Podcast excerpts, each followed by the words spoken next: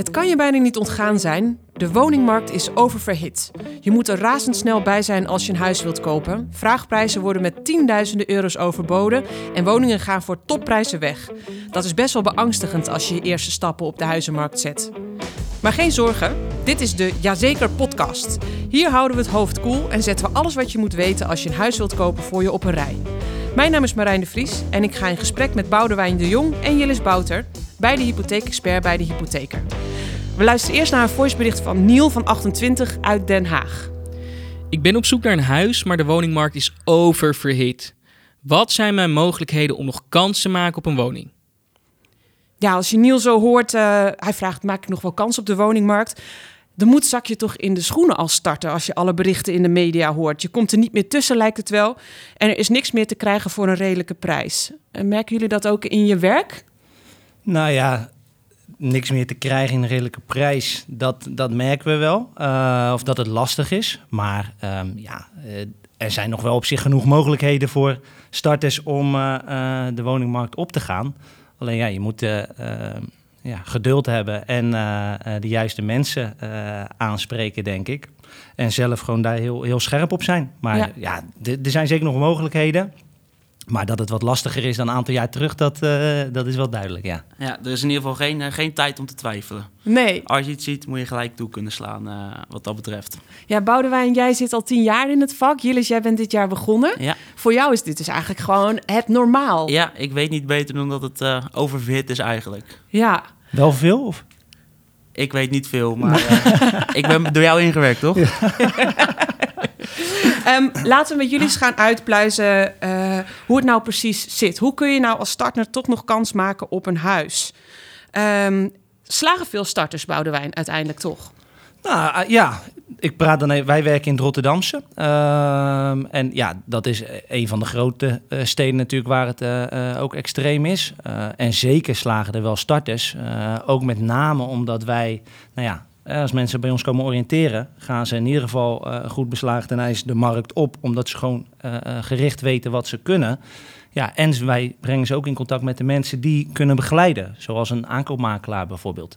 En met die 1 tweetjes uh, merk je wel dat ze nou ja, misschien er wel sneller tussen komen dan iemand die gewoon lukraak naar een woning gaat en het allemaal zelf zou willen doen. Jullie, dat is dus ook echt wel de toegevoegde waarde, ja. denk ik, van het via jullie gaan regelen. Ja, en ik denk even daaraan toe, ook wel belangrijk, wij kijken meer naar wat er wel mogelijk is dan wat er niet mogelijk is. En daar worden mensen ook wel gelukkiger van, uh, uh, moet ik eerlijk zeggen. Ja, want ik kan me ook wel voorstellen dat je misschien je wensenlijstje een beetje bij moet stellen in deze tijd. Zie je dat ook veel? Valt dat wel mee? Ja, uh, zeker. Zeker in de praktijk ook. Ze beginnen allemaal met een grote tuin en een vrijstaand huis bij wijze van spreken. Maar uh, en, soms, midden in, en midden in het centrum. Midden in het centrum en dan liefst voor 800 euro, in, voor 800 euro in de maand. Ja. En daar komen sommigen inderdaad gewoon snel van terug dat het gewoon echt niet mogelijk is. Maar dat er wel nog steeds leuke dingen te doen zijn. Uh, te kopen zijn. Want hoe pak je dat aan in zo'n eerste gesprek? Um, er komt te starten met een wensenlijstje. Ja, ja dat is niet, misschien niet realistisch. Uh, ja. Hoe zorg je dan toch voor dat iemand denkt van... oh, maar dat, dat is misschien ook toch wel wat voor mij? Ja, nou, het is goed om mensen bewust te hebben dat als je net even buiten de stad, en dan praat ik weer even voor Rotterdam, dat het ook niet erg is om net even buiten de stad te wonen. Met allerlei OV-verbindingen ben je zo ook in het centrum. En dan zie je gewoon, ja, daar krijg je gewoon net wat meer waar voor je geld. Al moet ik zeggen dat dat ook uh, de laatste tijd al redelijk, uh, redelijk uh, opschiet. Dat je nou, daar ook wel de, moet, de prijs omhoog gaat. Ja, maar ik moet ook wel zeggen dat, dat starters, um, ze komen al niet uh, met heel veel enthousiasme uh, binnen van ik kan dit, ik kan dat. En vaak kunnen wij ze dus nog wel uh, laten zien wat er dus wel kan. Dat ze eigenlijk op die manier altijd wel, of 9 van de 10 keer positief verrast zijn.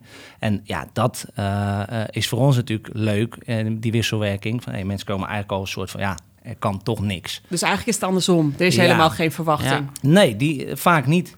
En dus dat doe ik in ieder geval hoe ik het doe. Um, als er nog niet zo heel veel mogelijk is, maak ik wel samen met de starter een plan van oké, okay, wanneer is er wel wat mogelijk, wat, uh, waar kan je naartoe werken, uh, zodat hij voor zichzelf al een plan kan uitstippen en dat we bijvoorbeeld afspreken, oké, okay, we spreken elkaar over een, uh, een, half jaar weer, kijken waar we dan staan en kijken of we dan wel een geschikte woning kunnen vinden. Ja, daar wil ik eigenlijk wel even wat concreter op ingaan, want hoe ziet zo'n plan eruit? Hoe ziet een starterslening eruit? Hoe zet je zo'n plan in elkaar? Ja, nou wat ik vooral doe, ehm, is dat inderdaad je kijkt naar het inkomen wat ze nu hebben, het spaargeld dat ze nu hebben. Soms is dat eh, heel erg toereikend, soms wat minder. Spaarritme. Het spaarritme is heel erg belangrijk. De ene spaart en daar is corona wel een belangrijke factor bij. En dat zeggen bijna alle starters ook. Zeker de groep van, uh, van 20 tot 30 jaar zeggen van ja, de terrassen zijn dicht, dus ik hou 1500 euro in de maand over. Niet meer uit eten, nee. geen leuke uitjes nee. meer. Ja. En dan Jij, zelf en ook, dan, Jillis? en dan zeg ik inderdaad van ja, daar heb ik ook wel een klein beetje last van. Eh, dus nee, dat merk je wel heel erg. En dan ga je kijken, oké, ehm, ja, naar het type woning wat je wil, er hoort een bepaalde prijsklasse bij. Eh, daar gaan we naar kijken. Oké, wat heb je echt aan eigen geld nodig? Waar ga je naartoe werken? Wat heb je nu? Wat spaar je? Ehm, en zo kom je eigenlijk tot, oké, over een half jaar ziet de situatie er misschien zo uit als je op deze voet verder gaat. Misschien komt er een salarisverhoging aan. Eh, dat zouden we ook nog mee kunnen nemen.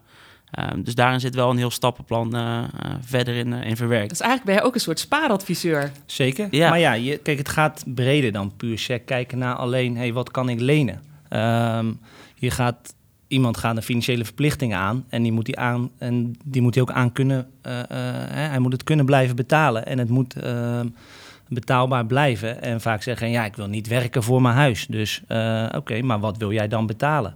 Ja, eh 1000 euro. Oké, spaar je nu naast je huurlast van eh 700 euro, 300 euro per maand minimaal? Nee, nee, nee, dat is lastig. Oké, kan jij dan wel 1000 euro betalen? Ja. Dus ja, En dat het- je dan helemaal niet meer spaart. ja, precies. En dan gaan, laat je mensen daar natuurlijk ook over nadenken. Nou, en dat is wel het leuke van ons vak, om, om ja, daarmee bezig te zijn en gewoon goed gericht eh, advies te kunnen geven, zeg maar. Ja, nou zijn er ook speciale regelingen voor starters, omdat het voor hen natuurlijk veel moeilijker is om tot de woningmarkt toe te treden. Hoe ziet een starterslening er precies uit? Nou ja, een starterslening, dat, dat is in de levengroep eigenlijk door eh, eh, de SVN. En, ehm, Wat is de SVN? eh, Stimuleringsfonds.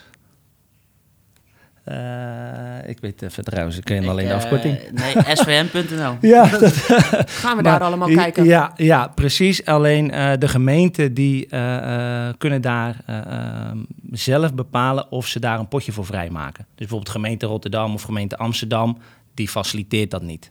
Eh, maar bijvoorbeeld gemeente eh, Hoekse Waard, een randgemeente hier bij ons in de regio, of misschien Zwolle, waar jij eh, vandaan komt, die faciliteert dat misschien wel. Nou, die hebben dus een potje beschikbaar voor starters die ja, net iets meer nodig hebben dan dat ze kunnen. Ehm, de eerste eh, eh, paar jaar nog niet op het gewenste niveau zitten qua inkomen, maar na drie jaar de bijbehorende lasten wel kunnen betalen voor die lening.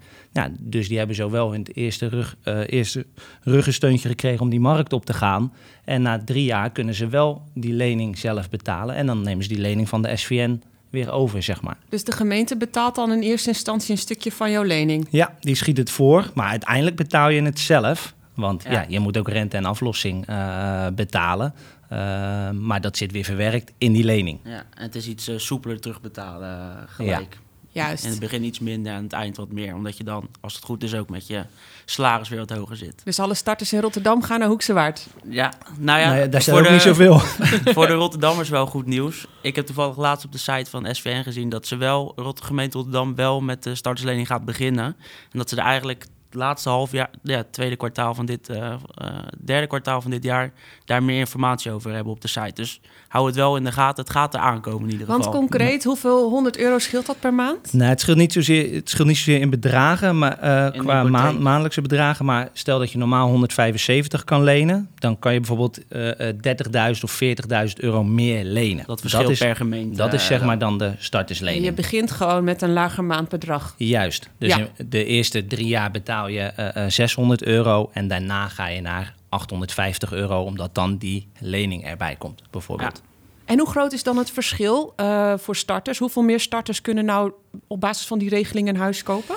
Ja, dat is denk ik heel, dat is heel wisselend, eh, omdat het echt per gemeente eh, verschilt. Alleen ja, wat we nu zien eh, is wel dat de huizenprijzen aan zich eh, eh, natuurlijk veel hoger worden. En ja, dat die starterslening dan ook niet altijd meer eh, in beeld is, omdat die wel vaak gemaximeerd is. Het scheelt ook weer per gemeente, dus voor starters sowieso goed als je gaat oriënteren om dat eens te kijken van, hey, heeft de gemeente waar wij, waar wij willen zoeken zo'n eh, eh, lening, hè, faciliteert die dat? Ehm, maar ja, het, het, het, ik, het wisselt denk ik heel erg per gemeente. en het is lastig om daar een getal Ja. aan te hangen. Wat, En omdat het in Rotterdam natuurlijk nog niet echt is geweest, moet ik zeggen dat ik er eigenlijk nog geen eh, gebruik van heb gemaakt bij een, eh, bij een starter. Laten we nog eens naar andere mogelijkheden kijken. Want er zijn natuurlijk ook ouders die willen helpen. Uh, misschien is er wel een, een oma overleden met een erfenis. Ja. Wat zijn daar de mogelijkheden van? Schenken vanuit ouders is wel één, zeker in Rotterdam, dat wel, wel geregeld gebeurt in ieder geval. dat is eigenlijk ook de meest effectieve manier om, om hulp te krijgen van je ouders. En waar moet je dan rekening mee houden? Je krijgt een x-bedrag geschonken. Ik noem maar iets 50.000 euro. Dat is natuurlijk een groot bedrag. Zeker. Kan je dat dan in één keer in je hypotheek stoppen? Of moet je dat op een andere manier aanpakken? Je hebt uh, van de belasting, staat ook op de belasting-site, kan je eenmalig heb je een recht op een verhoogde vrijstelling. Uh, dat gaat tot een bedrag van 105.000 euro. Uh, en dat mag je eigenlijk gebruiken voor, voor, de, voor de aankoop van je woning of voor verbouwen erbij uh, wat erbij komt kijken. Waar je toch wel van staat te kijken, is dat dat dus wel heel regelmatig ja. Uh, voorkomt. Ja. Dus dat super lekker is voor iemand natuurlijk als jij ineens uh, ruim een ton in kan, in kan leggen op een gegeven moment had ik er drie achter elkaar geloof ik. En toen heb ik het toch ook thuis maar eens even gevraagd hoe, uh, hoe het daar zit. Uh, maar dan kreeg ik geloof ik uh, niet zo'n heel positief antwoord. Kreeg je 105 euro. Ja. dus pap, als je luistert. hey, maar kun je nou, ik, ik bedenk me ineens, kun je nou als, als ouders bijvoorbeeld ook je eigen hypotheek verhogen om je kind deze mogelijkheid te ja, geven? zeker. En dat is wat er. Uh, um, Want ook... wie heeft er nou 105.000 euro liggen? Dat zijn er vast niet veel mensen. Nou, daar sta je dus best wel ja. van te kijken in zo'n situatie. Dat je denkt: oké, okay, oké, okay, ja, dan uh, dat is goed uh, gedaan. Maar je, er zijn veel ouders, of het komt regelmatig voor, laat ik het zo zeggen, dat inderdaad ouders zeggen: oké, okay, maar ik heb overwaarde op mijn hypotheek of op mijn huis en een hele lage hypotheek. Ik maak daar wat geld voor vrij om zo mijn kinderen te kunnen helpen ja, om, die, om die woningmarkt op te gaan. Dus dat, dat komt regelmatig voor. Waar dat, wij natuurlijk ook ja, wel weer blij mee zijn. Dat zouden wij dan weer kunnen regelen. Heb je gelijk een mooie combi uh, natuurlijk. Ja. ja, je had ook een generatiehypotheek of garantstelling door ouders. Bestaat dat ook nog? Ja, dat bestaat nog wel. Het wordt niet zo heel veel meer gedaan in ieder geval. Ook omdat schenken, wat, wat ik weet in ieder geval, dat het, dat het gewoon iets meer gedaan wordt. Um, maar garantstellingen zijn er, nog, uh, zijn er nog wel in ieder geval. En dat is dan inderdaad dat een, dat een starter wel uh, tot zeven, zeker 75, 80 procent het zelf moet kunnen uh, financieren. En dat ouders voor het, resterende gedrag garant staan. Um, en dan dat wel de starter binnen drie tot vijf jaar dezelfde, de hypotheek zelf helemaal moet kunnen regelen. En dat moet ook wel echt aangetoond kunnen worden door, uh, door cijfers vanuit de werkgever. Uh, dat is niet even, uh, dat is niet een kwestie van gunnen nee. bij banken. We hebben het nu gehad over regelingen van de gemeente, over schenken. Zijn er ook nog andere mogelijkheden om een hypotheek rond te krijgen als starter? Of houdt het hier wel een beetje op? Nou, je moet inkomen hebben. Ja. dus dat, maar um, nee, dat, dat zijn denk ik wel de, de belangrijkste punten om extra uh, dingen te kunnen. Hè, dus garantstelling, schenking, um, starterslening. Ja, en verder is het voornamelijk dan de tools van hey, hoe kom ik ertussen? Uh, maar goed, dat is weer een andere, uh, andere tak. Maar dit zijn vaak wel de, de mogelijkheden voor extra regeling. Ik weet niet of jij nog zo dingen te binnen schiet van wat nog nee, zou kunnen. Nou ja, wat ik wel uh, veel zie is dat ook starters dan toch wel, toch wel gaan kijken naar huizen die misschien iets uh, minder prijzig zijn en waar gewoon een hoop aan moet gebeuren. Uh, en dat sommigen dat heel goed zelf kunnen, kunnen besteden. Dus dat van daaruit, uh, dat daarin de kans wat groter wordt. Dus dan is inderdaad die wensenlijstje wat aanpassen en dan maar zelf je woning gaan opknappen. Wat ja. uiteindelijk ook eigenlijk een hele mooie investering zeker, in je toekomst is, zeker, hè? Zeker. Ja. Want als ik, Heel, jij bent toch ook wel een beetje aan het kijken of dat je wat kan. Ja, Want, zeker. Wat dat betreft ik, ben je een goed voorbeeld. Ja, dus ik kan me redelijk uh, goed identificeren met de starter. Omdat ik zelf ook wel, uh, wel op het punt zit om een, in ieder geval op zoek te gaan naar een woning. Um, en daar loop ik eigenlijk tegen dezelfde dingen aan als, als alle starters. Dus dat merk ik wel uh, dat ik daar een hele goede, goede klik mee heb. Waardoor we echt elkaar wel, uh, wel, kunnen begrijpen. Ja, uh, nou heb ik zelf vijf jaar geleden met mijn vriend ons eerste koophuis gekocht. wij zijn allebei zelfstandig ondernemer. Nou is geen geheim dat, dat het dan nog wat lastiger is om een hypotheek te krijgen. Uiteindelijk zijn we een jaar bezig geweest. En we zijn een jaar blijven praten met hypotheekverstrekkers. En uiteindelijk kregen we ook wel een beetje de gunning. Is dat misschien ook wel een boodschap? Geef niet te snel op? Sowieso. Je moet, hè, dat is, uh, uh, ja, zonder te filosofisch te worden, in, in alles natuurlijk niet te snel opgeven. En, en zoek de mogelijkheden. Er is vaak meer mogelijk dan je denkt. Hè. Daar, daar begonnen we al uh, eventjes mee.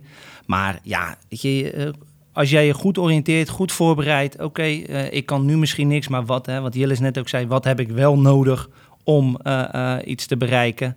Uh, nou ja, dan, dan is dat zeker een goed uh, advies. Geef niet te snel op, bereid je goed voor, verdiep je. Ik vond het spaarplan ook wel gewoon echt Ja. een hele goede tip. Ja. Ja, dat is het ook. eh, Kijk, en, en wat je natuurlijk ziet met eh, hè, de generatie van, van Jilles, zeg maar, eh, 25, 26, 27 jaar, is, iedereen woont wel wat langer thuis. Eh, of tenminste, heel veel mensen eh, eh, van die leeftijd wonen nu wat langer thuis.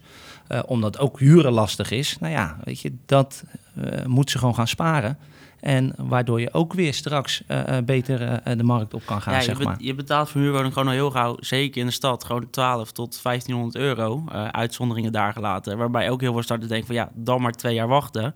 Ehm, en dan uiteindelijk toch zelf een woning kopen, waardoor het huren eh, minder aantrekkelijk wordt gemaakt. Dus dat is ook wel echt een... o- Overigens, nog even voor- zelfstandig ondernemer. Ehm, in de tijd dan vijf jaar geleden, nou, eh, er, er was is crisis geweest op de woningmarkt en, ehm, en gewoon in, in het land, een financiële crisis. Nou, dan werden de teugels wel wat, wat aangetrokken en die zijn inmiddels wel weer wat meer gaan vieren. Dus ook, ook voor zelfstandig ondernemers, ook voor niet te geëikte eh, of te gebaande paden eh, eh, is het allemaal meer recht toe recht aan en is er wel wat meer maatwerk mogelijk. Ehm, dus ja, het is ook allemaal niet meer zo ingewikkeld of hoeft niet zo ingewikkeld te zijn als het misschien een aantal jaar geleden geweest is. Eh, maar ja, ook daarvoor geldt, ja, laat je Ja. gewoon goed voorlichten. Niemand moet schromen om bij de hypotheek binnen te stappen. Nee, nee, zeker we werken niet. met zoveel partijen samen dat er eigenlijk altijd wel een mogelijkheid is. En is die mogelijkheid er niet, dan ga je het ook echt niet voor elkaar eh, kunnen krijgen. Nee. Dankjewel voor jullie eh, adviezen. Boudewijn de Jong en Jillis Bouter, hypotheekexperts bij De Hypotheker. Dit was de Jazeker podcast. Bedankt voor het luisteren en tot de volgende keer. Jij ook bedankt. Dankjewel, tot de volgende keer.